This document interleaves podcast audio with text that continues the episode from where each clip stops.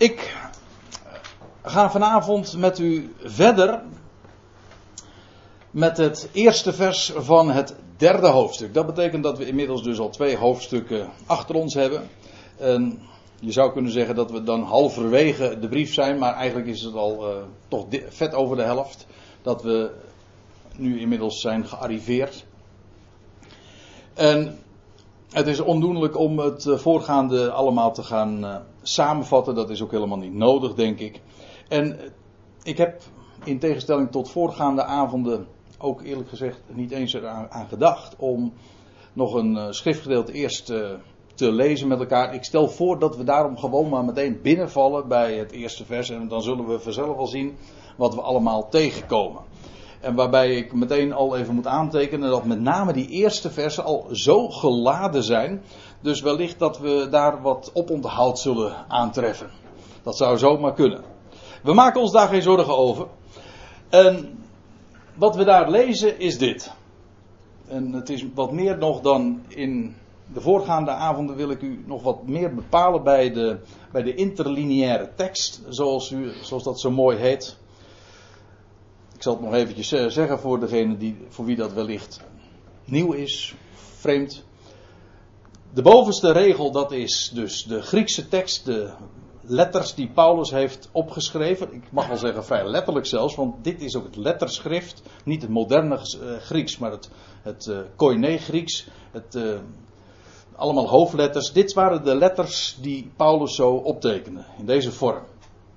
En hieronder, de tweede regel, dat is de concordante weergave, de meest letterlijke, de meest precieze en ook eensluidende weergave daarvan. Dus met name hier moet je op letten. En dat geldt dan vooral natuurlijk, of eigenlijk vooral, ja, uitsluitend voor degenen die uh, het Engels enigszins machtig zijn. Dat is dan erg handig, want dit is, hier kun je echt wel heel erg sterk van op aan. Hier, zo, staat het er precies. En dan deze laatste regel, die onderste regel, dat is de wijze waarop de NBG-tekst, dus de Nederlands Bijbelgenootschap vertaling van 51, dat heeft weergegeven. En dat is soms God, soms minder God. Daar zullen we dan vanzelf wel op wijzen. In ieder geval, u kunt het dan allemaal ook direct zo volgen. Ik vind dat zelf de, beste manier om ook de Bijbel te bestuderen. Om in ieder geval ook de precieze tekst onder ogen te hebben. En voor degenen die het Engels allemaal niet zo goed kennen of dat niet beheersen, maak u geen zorgen. We, mocht het van belang zijn, dan, uh, dan wijs ik gewoon op wat, het, uh, wat de precieze inhoud is van wat er hoort te staan. Nou, laten we eerst eens beginnen met die eerste woorden. Indien gij dan, dat zou zomaar al voor uh, misverstanden kunnen zorgen. Want de suggestie zou kunnen zijn, althans zo kun je het dan lezen. Uh, indien gij dan van, mocht het zo zijn dat, alsof er onzekerheid in zit, of, maar het, het idee hier is juist aangezien gij dan. Of aangezien jullie dan. Dus niet, geen onzekerheid, maar uitgaande van het feit dat gij met Christus opgewekt zijt. Ja, samen, dat gij opgewekt zijt, samen met de Christus. En, nou, dat is een, uh, een waarheid die de apostel Paulus natuurlijk zo dikwijls in zijn brieven naar voren brengt. We zijn als gelovigen verbonden met hem die het graf leeg achterliet, zoals dit plaatje dat ook uitbeeldt. Hij werd, hij werd opgewekt en wij zijn als gelovigen verbonden, één gemaakt met hem en daarom ook samen met hem opgewekt. Waarbij ik uh, de dubbelzinnige betekenis van het woord opgewekt, in het Nederlands tenminste, graag uh, meeneem, want dat komt mij heel erg goed van pas. Opgewekt betekent letterlijk natuurlijk uh, ja, niet meer slapend of niet meer in de dood. Je bent uit de dood opgewekt. Maar opgewekt heeft bij ons natuurlijk ook de betekenis van blijmoedig. Nou, die twee betekenissen uh, die sluiten natuurlijk naadloos bij elkaar aan. Want we hebben nieuw leven hier gevonden. En als er één reden is om opgewekt te leven, dan is het juist wel omdat we weten dat de dood is overwonnen en dat er nieuw leven aan het licht gebracht is. Laat ik eens een, op een drietal schriftplaatsen wijzen waar Paulus dat ook naar voren brengt. In Colossenses 2, vers 13, dat is het vers wat we de vorige keer nog onder ogen hebben gezien. Daar schrijft Paulus dit. Mede opgewekt, of tezamen opgewekt door het geloof. En dan stond er precies, in de, niet in de vertaling, maar dat staat er, zo heeft Paulus dat opgeschreven. Uh, samen opgewekt door het geloof van de werking Gods. Dat wil zeggen, de werking Gods zelf gelooft, is betrouwbaar. En die heeft hem uit de doden opgewekt. Het gaat er eventjes om, mede opgewekt. Nou, Efeze 2. Een brief die Paulus in diezelfde tijd als dat hij de Kolossenbrief schreef, ook uh, heeft geschreven. En daar brengt hij dezelfde waarheden ook naar, naar voren. En daar zegt hij in hoofdstuk 2, vers 5 en 6, mede levend gemaakt. Hij heeft het dus over ons, die geloven in de opgewekte Christus. Hij heeft mede levend gemaakt met Christus. Hij voegt er dan naartoe, door genade, of in genade, zijt gij behouden. Met andere woorden, het is een vrije gift. Je hebt er niks voor gedaan. Het is je zomaar toebedeeld. Het is genade, puur. En hij heeft ons mede opgewekt. Dus mede levend gemaakt, mede opgewekt en ons mede een plaats gegeven. Letterlijk staat er doen zitten, samen doen zitten in de hemelse gewesten of te midden van de hemelsen in Christus Jezus. Dus het idee is inderdaad niet alleen maar dat wij verbonden met Hem zijn in zijn leven. Maar we zijn helemaal één gemaakt met hem. We zijn met hem gekruisigd, we zijn met hem gestorven, met hem begraven, met hem opgewekt. En zoals hier staat, ook met hem mede een plaats gegeven te midden van de hemelse. Zodat de waarheid is, wij zijn niet hier, wij zijn daar. Ons echte leven is daar, niet hier. De vorige keer hebben we dat trouwens ook nog gezien. Dat Paulus, in, dat was in, uh, in het slot van Colossense 2 dat hij zegt van waartoe laat gij u alsof gij in de wereld leefde? Geboden opleggen raak niet smaak niet roer niet aan. Alsof gij in de wereld leefde. Het idee is dus daar is ons leven daar is onze positie en wij zijn dus met Christus verbonden. Dat is zo'n essentiële waarheid die overal in de brieven naar voren wordt gebracht. En dan tenslotte nog een uh, schriftplaats dit keer niet uit de gevangenisbrieven, maar uit een van de eerdere brieven die Paulus heeft geschreven. Romeinen 6, vers 4. Wij zijn dan met hem begraven door de doop in de dood. Het gaat hier niet over, over waterdoop. Dat, even, dat zeg ik voor de meesten misschien wel ten overvloede. Maar de meeste, de meeste mensen in het algemeen denken bij doop meteen aan waterdoop. Maar dat doet Paulus niet. Doop is gewoon ondergedompeld worden in.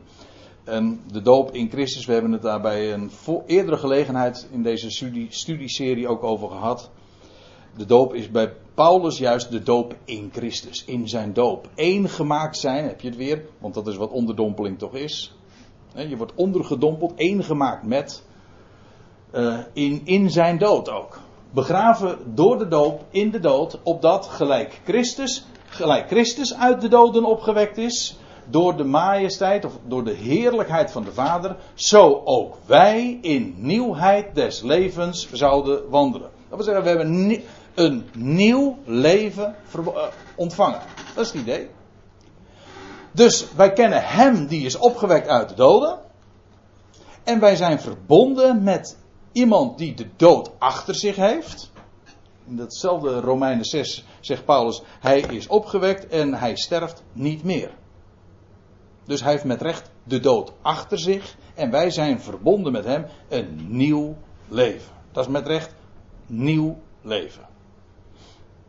Niet zomaar bij wijze van. Nee, in de meest fundamentele zin is dit ook werkelijk leven. En dat wij nu dus in nieuwheid des levens mogen wandelen. Een totaal nieuw bestaan dus.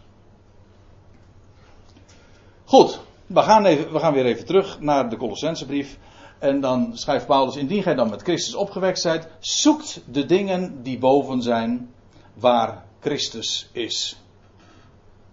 Ja, waarbij hij zegt, zoek dat dan. Waarbij de gedachte natuurlijk is dat ze hier niet, hier beneden, niet voor het oprapen liggen. Als wij inderdaad verbonden zijn met Hem, daarboven, En ja, dan wat is de logische consequentie dan daarvan? Dat we dat ook zouden zoeken. Natuurlijk, want daar is ons leven. Daar is onze toekomst. Daar, uh, daar gebeurt het allemaal. Of daar is het allemaal gebeurd, hoe je het maar zeggen wil. Zoekt het, het is namelijk hier verborgen. Ik kom er straks nog even op terug, want Paulus zegt dat ook letterlijk zo in, in de, een van deze versen. Zoek de dingen die boven zijn. Hoe doe je dat? Want in de eerste plaats, de, de, de dingen die boven zijn, wees, uh, ja, zoekende, die dingen, waar de Christus is. De Christus, de Mashiach. Maar hoe zoek je die dingen? Is dat een kwestie van meditatietechnieken? Ik weet, dat is wel uh, ook geconcludeerd, maar het is verre van dat. Het is geen meditatietechniek. Het is of contemplatie, of hoe dat allemaal maar mag heten, of bepaalde concentratietechnieken. Zoekt de dingen die boven zijn. Er is een hele nuchtere manier om dat te doen, en dat is dit. Ik heb een prachtige schriftplaats daar. Ik, nou, ik heb er wel meer, maar ik vind deze wel erg mooi. En dat is deze. Oh, nou ben ik vergeten om bij te vermelden welk vers dat is. Maar ik kan het u wel verklappen, dat is Johannes 5, vers 49. Weet ik even niet uit mijn hoofd. Daar zou ik eventjes uh, assistentie voor nodig hebben. Weet je wat? Ik zoek eventjes het zelf. Dat is altijd wel handig.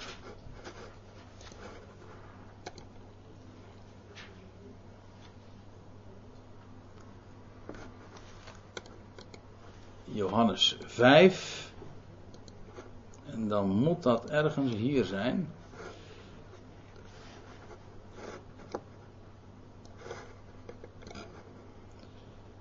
Dit is hem, vers 39.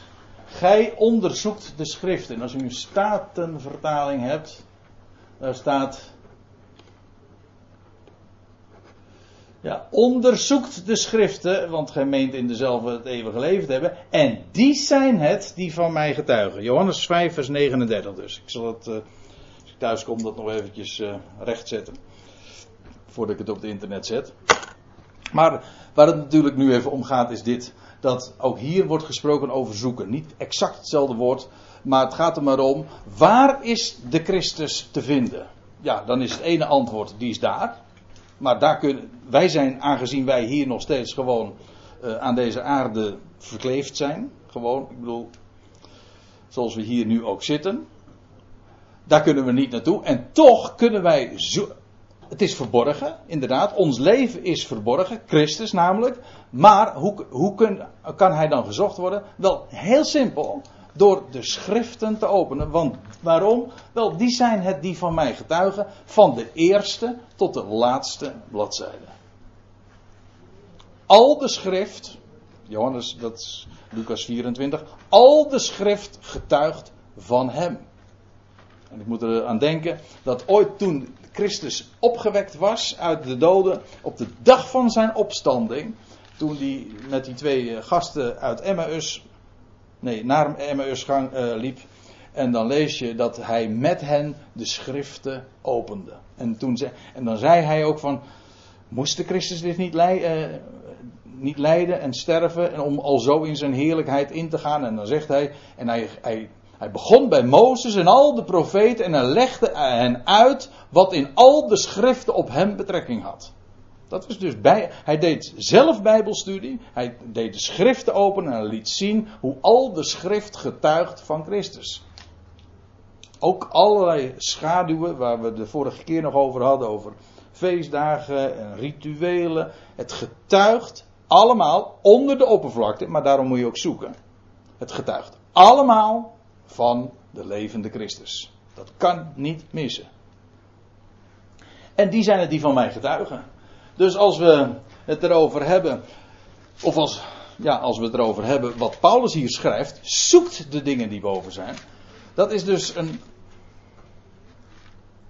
een, een hele concrete aanwijzing van het bezig zijn met de schriften, de woorden Gods. die lichten ons voor met recht. En die wijzen ons de weg en die getuigen van het leven met allemaal hoofdletters. Ik bedoel, van hem die is opgestaan en opgewekt uit de doden. Zoekt die dingen die boven zijn, waar de Christus is. En dan staat erbij, gezeten aan de rechterhand Gods. In rechterhand van de God zittende. Hij zit.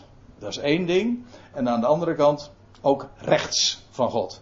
Het woord hand staat er eigenlijk niet eens. Gewoon rechter. Maar goed, dat is geen goed Nederlands. Je moet er toch zoiets erbij zetten. Aan de rechterzijde kan je ook zeggen. Aan de rechterzijde van de God zittende. Van, dat is trouwens heel frappant. Daar kom je dan achter als je dan ook uh, wat vertrouwd raakt met die interlineaire teksten. Dan dat je zo vaak ziet dat als daar uh, God staat, dat er eigenlijk de God staat. Een, een bepaald lidwoord. De God. Het is nog klinkt nog veel majestueuzer. Hij is niet zomaar een God, nee, hij is de God. Degene die alles een plek geeft. Maar goed, het gaat hier dus over Christus. Die is daarboven, dat is een ding, wat, dat is duidelijk. Hier op aarde moet hij gezocht worden, want hier op aarde vind, vind je hem niet. Nou ja, behalve dan in de schrift. En daar zoeken we, daar zoeken we hem dan, uh, dan ook terecht. Maar waar is hij dan? En waar getuigt de schriften van? Wel, dat hij gezeten is in de rechter, in rechterzijde van de God. En daar is hij zittende. Laat ik je op een, een tweede schriftplaats uh, wijzen. Nee, laat ik eerst even nog iets anders zeggen. En dat is dat de, deze zin, gezeten aan de rechterzijde Gods, dat is ontleend aan de psalmen. Er is geen psalm, geen passage in de hele schrift die zo vaak in het Nieuwe Testament wordt aangehaald als Psalm 110. En daaraan zijn deze woorden ontleend. Dus als je nou Christus zoekt, dat is een aardig concreet voorbeeld in deze. Je zoekt Christus. Hoe doe je dat? Nou, dan kom je ongetwijfeld terecht in Psalm 110. Daar is het van tevoren gezegd. En daar wordt gesproken over de Messias die inderdaad zou gaan zitten aan de rechterzijde Gods. En dat wordt heel dikwijls in het Nieuwe Testament aangehaald. En ik wil op twee schriftplaatsen wijzen. In de eerste plaats Hebreeën 8, vers 1.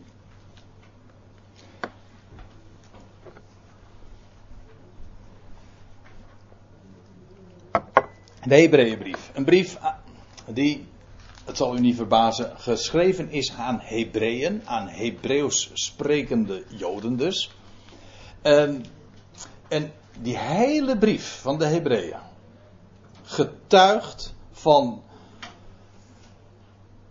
de schriften van de Tenach, het Oude Testament. Die Joden die hadden hun, uh, hun, wat wij dan noemen, Oude Testament. En wat de schrijver van de Hebreeënbrief doet, mijn ziens Paulus, wat hij doet, is laten zien dat heel de schrift, ik bedoel dus het Oude Testament, in al die rieten, in ook personages, in de tabernakel, nou ja, wat, Paul, wat, wat allemaal daar beschreven wordt. Alles getuigt van de levende Christus. En dan schrijft hij dan in, nou inmiddels zijn er natuurlijk zeven hoofdstukken inmiddels al gepasseerd. En dan schrijft hij in hoofdstuk 8 vers 1, de hoofdzaak van ons onderwerp is, van, het, van alles wat wij tot dusver gezegd hebben, dat wij zulk een hoge priester hebben, die gezeten is ter rechterzijde van de troon der majesteit in de hemelen. realiseert u zich wat er hier staat? hij had al zeven hoofdstukken lang had hij gesproken over de tabernakel. Eh, hoofdstuk 7 zelf had hij gesproken over Melchizedek. Nou, wat de schrijver hier zegt, is de hoofdzaak van wat, wat ik jullie nu wil vertellen, wat ik jullie vertel, is dit: dat wij een hoge priester hebben, die gezeten is ter rechterzijde van de troon der majesteit in de hemelen. Kortom, waar de psalmen al over spraken. Een voorrangspositie, vandaar ook rechts. Hè? Dat is altijd makkelijk te onthouden. Rechts betekent, betekent niet dat hij uh, per definitie altijd letterlijk rechts zit, maar dat hoeft het ook helemaal niet. Als je iemands uh, rechterhand, dat is ook niet een directeur die een rechterhand heeft, hè, die iemand aanwijst, jij bent mijn rechterhand, die staat ook niet altijd, die persoon ook niet altijd rechts van hem. Maar het is een aanduiding uiteraard van voorrang.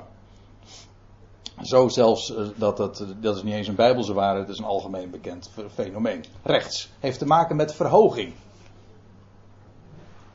Zoals links met vernedering te maken heeft.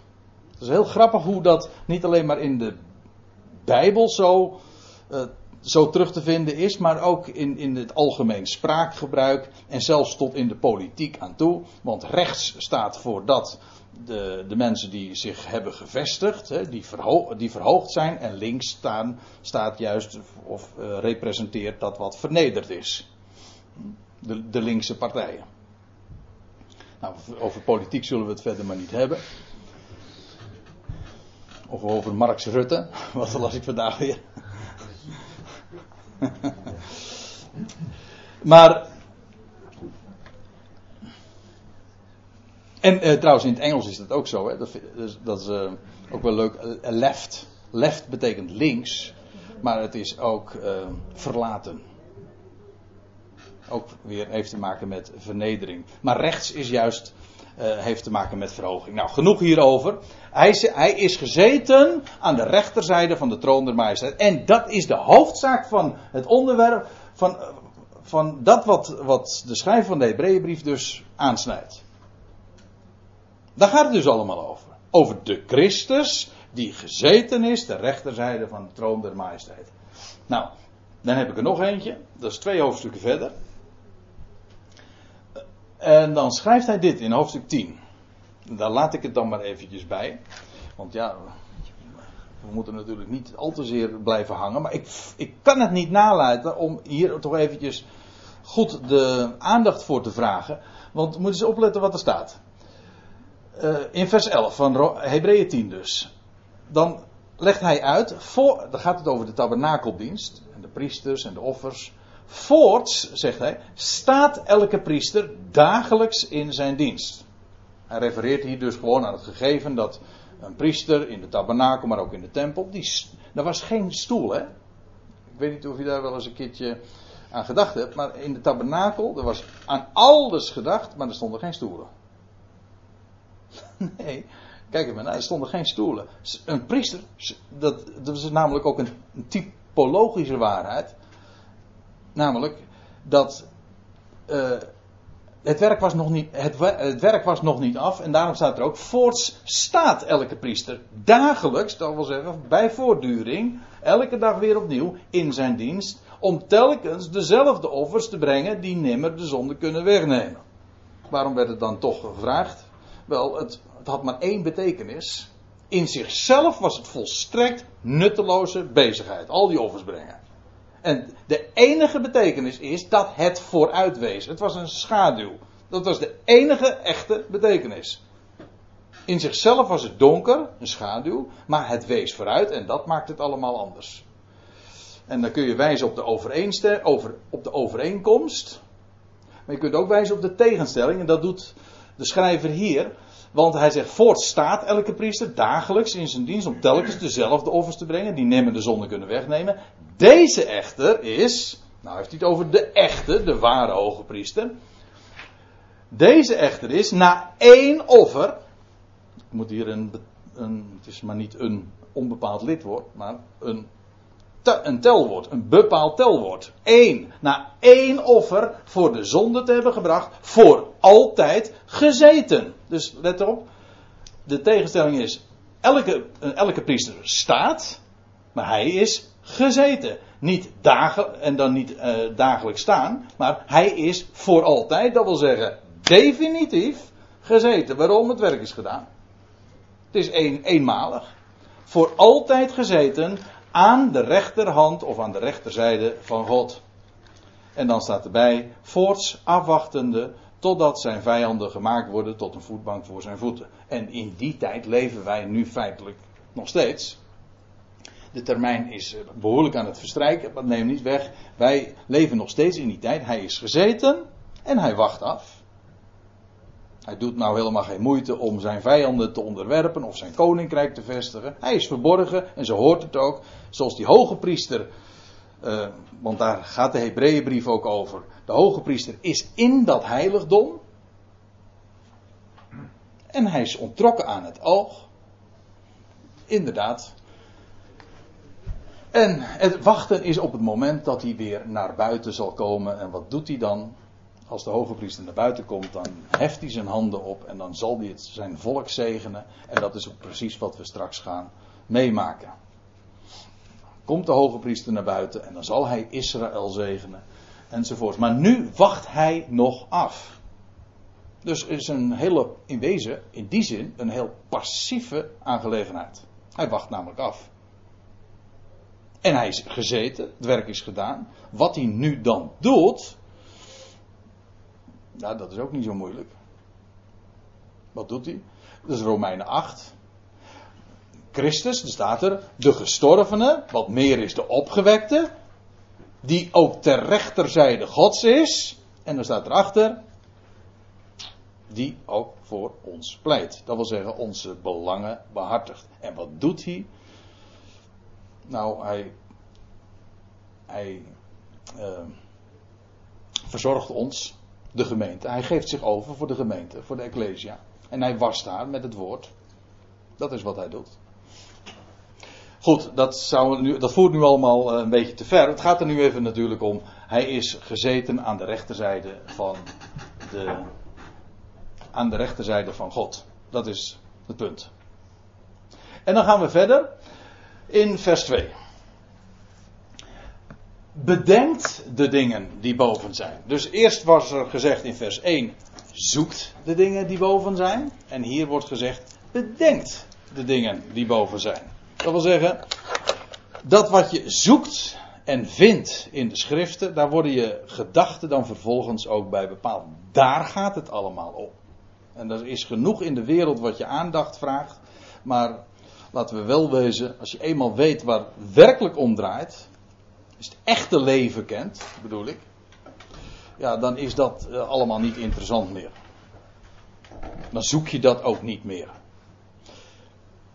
Waarom zou je ook dat zoeken? Dan zoek je een, zoals wij dat thuis nogal eens uh, plachten te zeggen, zoek een leven. Nou, wij zoeken een leven. Namelijk het leven. En, en dat, uh, dat bedenk je dan ook. Daar gaan je gedachten naar uit. Dat, dat, daarop, uh, daarop concentreer je je. bedenkt de dingen die boven zijn. En die vragen onze aandacht en dat is wat werkelijk interessant is. Bedenk de dingen die boven zijn. En ik moet er nou nog even iets bij zeggen. Um, ja.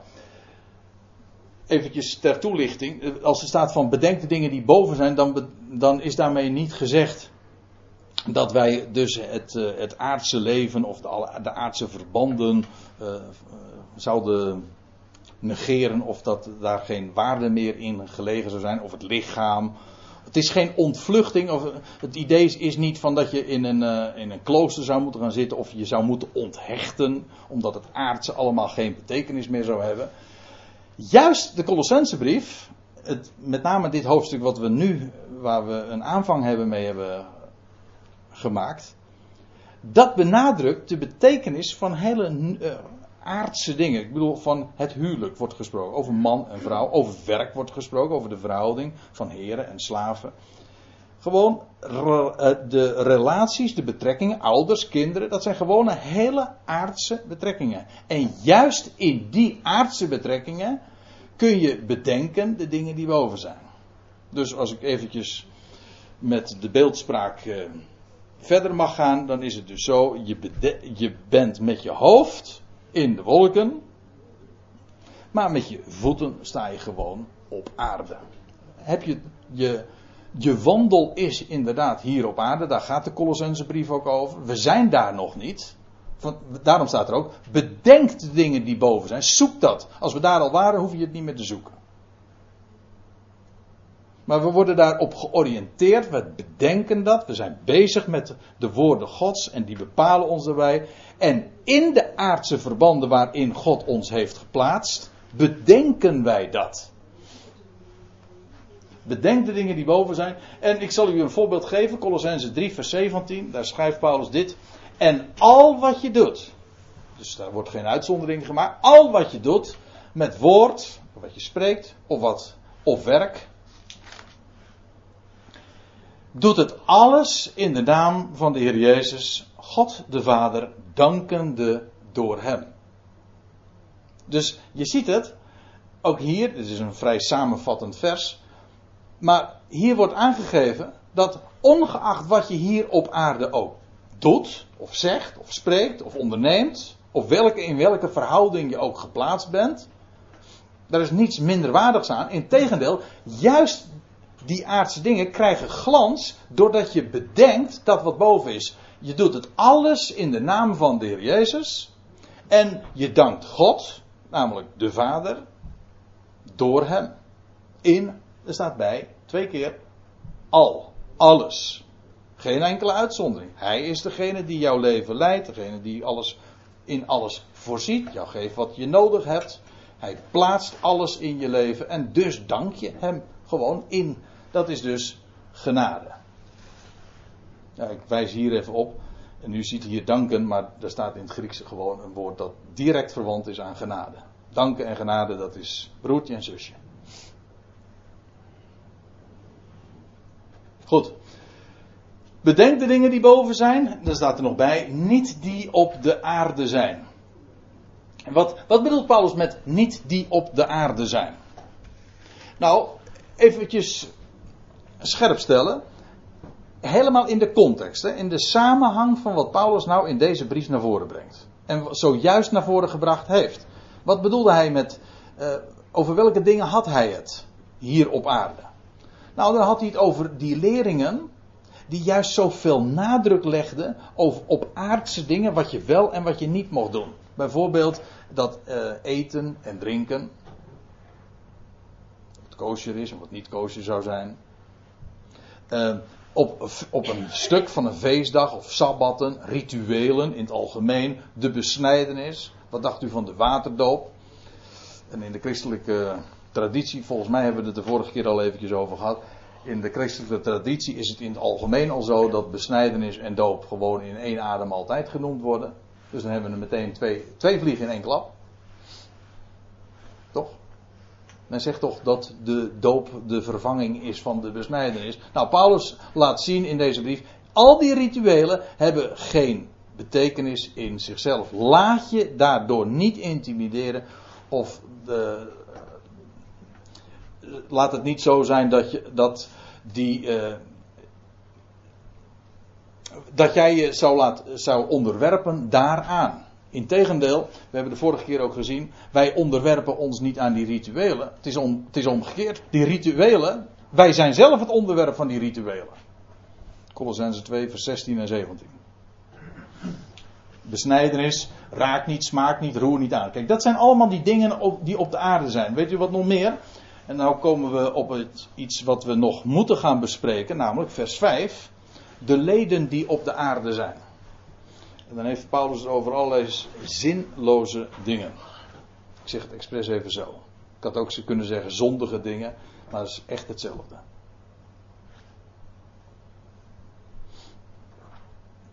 Ja, ik, ik, pauzeer nu eventjes, maar het is echt zo. Zondig betekent namelijk dat wat doel mist en dus zinloos is.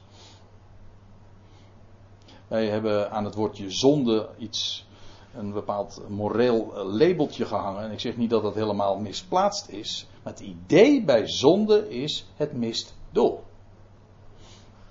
Goed. Nou, over die, eh, de leden die op de aarde zijn, is een uitdrukking die dus aan vers 5 ontleend is van dit hoofdstuk. Daar komen we misschien vanavond nog te spreken, dat weet ik niet. In elk geval, dit zijn zo een aantal van die elementen. En dan voegt Paulus eraan toe in vers 3. Want gij zijt gestorven.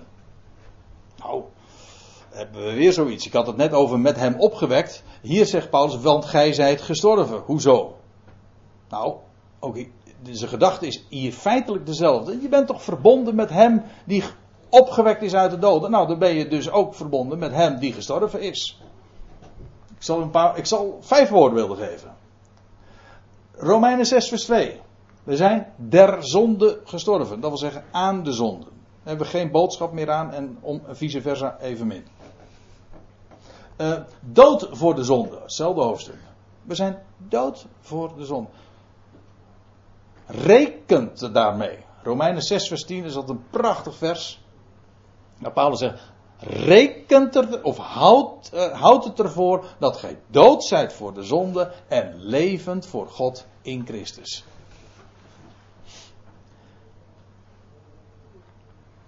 Voor, in gelaten 2, voor de wet gestorven. En gelaten, ook hetzelfde gelaten 2, met Christus ben ik gekruisigd. In gelaten 6, wij zijn der wereld gekruisigd. En ik geef nu vijf voorbeelden, maar ik zou het rijtje aanzienlijk langer kunnen maken. Ik, ik geef het eventjes nu op om daarmee aan te geven dat wat Paulus hier zegt eigenlijk als bekend verondersteld wordt. Dat is de gedachte. We zijn verbonden met Christus en dus met Hem gestorven, opgewekt en één gemaakt met Hem. Nou, gij zijt gestorven en dan vervolgens, en uw leven is verborgen met Christus in God. En, ik zal even naar de interlineair kijken. En het leven van jullie is verborgen. Samen met de Christus in de God. Nou ja, het is misschien wat krom Nederlands, maar dan zitten we wel aardig op het spoor van wat Paulus echt optekende. Het leven van jullie, dat is verborgen. Ja. Ja, wat is dat leven? van ons. Paulus gaat het trouwens nog letterlijk zo zeggen in vers 4. Ons leven, het leven is Christus. Maar om eventjes nog op iets anders door te wijzen, en dat is dat woord verborgen.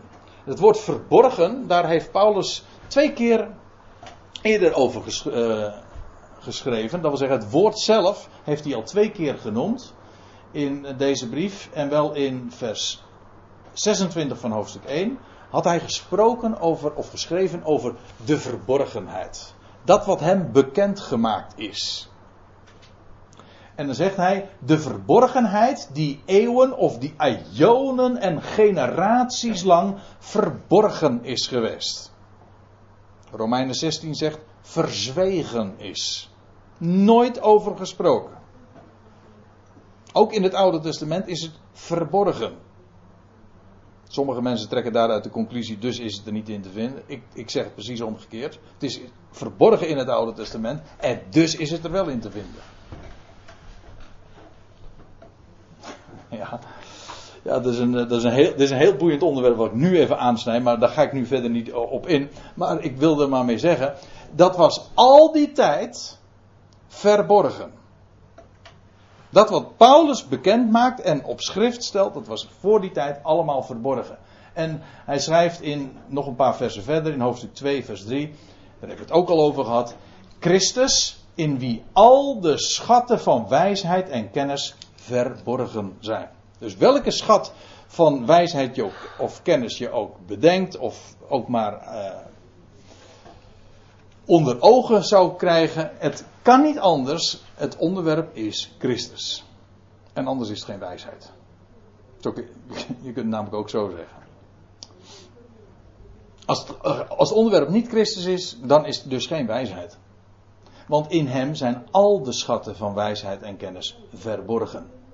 Hier is uh, trouwens nog iets waar ik, uh, wat, waar, waar ik graag eventjes op wil wijzen. Uw leven is verborgen met Christus in God. Betekent